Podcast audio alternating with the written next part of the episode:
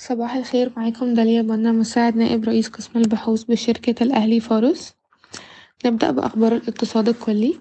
أعلنت وزارة التموين عن بدء تشغيل البورصة المصرية التجارية يوم الأحد الموافق سبعة وعشرين نوفمبر. سيتمكن التجار من شراء وبيع القمح من الأسبوع المقبل.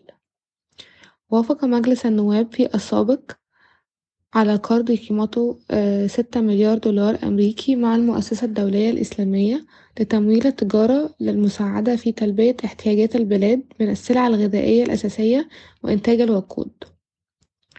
وبحسب الصحف المحلية فإن مبادرة التمويل تمويل المشروعات الصغيرة والمتوسطة بفائدة خمسة في المية ستستمر دون تغيير. بدأت وزارة النقل مفاوضات مع تلت مؤسسات فرنسية للحصول على قرض بقيمة اتنين مليار يورو لتمويل الجزء الأجنبي من الخط السادس للمترو.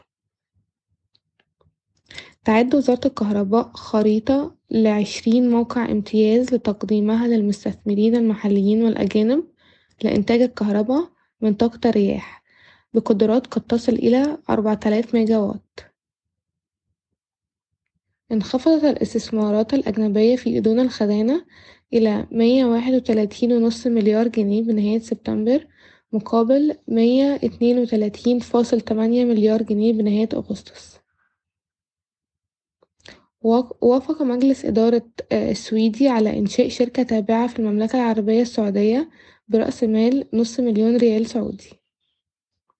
أعلنت شركة العربية للأسمنت عن نتائجها المالية المجمعة للربع الثالث من عام عشرين اتنين وعشرين مع ارتفاع صافي الدخل المنسوب ليسجل مية تلاتة وأربعين مليون جنيه مصري مقارنة مع صفر في الربع الثالث من عشرين واحد وعشرين وأكثر من ضعف الرقم في الربع الثاني من العام عشرين اتنين وعشرين.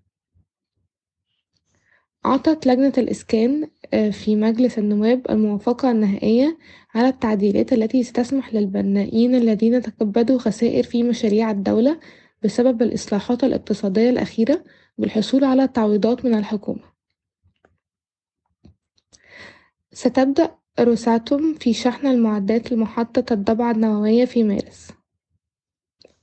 وافق مجلس النواب على تعديلات على قانون من شأنه تبسيط عملية التسجيل العقاري والتوثيق في المدن الجديدة حيث سيحتاج أصحاب العقارات والأراضي في المدن الجديدة فقط إلى تقديم أوراق التسجيل إلى هيئة المجتمعات العمرانية الجديدة.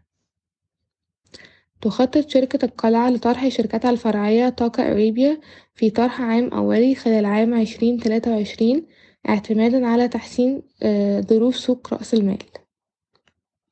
عاد رئيس مجلس الإدارة والعضو المنتدب السابق لسي آي بي هشام عز العرب إلى مجلس إدارة البنك بعد تعيينه مديرا غير تنفيذي بعد تنحيه من مجلس الإدارة من مجلس إدارة البنك قبل عامين. بما إن النهاردة التلات بما إن النهاردة الأربع أحب أفكركوا سريعا بأسعار السلع العالمية الأسبوع ده مقارنة بالأسبوع اللي فات. البرنت البرميل انخفض لسبعة وتمانين دولار. الفرق بين الديزل وال heavy fuel oil انخفض لخمسمية خمسة وسبعين دولار للطن. اليوريا انخفضت لخمسمية خمسة وسبعين ونص دولار للطن. البولي إيثيلين انخفضت عند ألف وتمانين دولار للطن.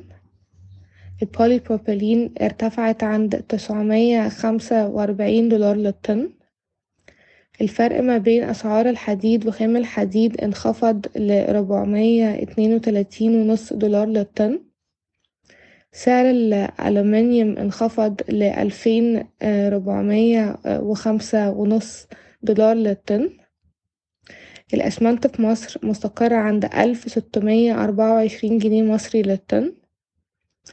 الفحم الحراري ارتفع لتلتمية تلاتة وأربعين ونص دولار للطن. واللبن البودرة ارتفع آلاف سبعة وخمسين دولار للطن.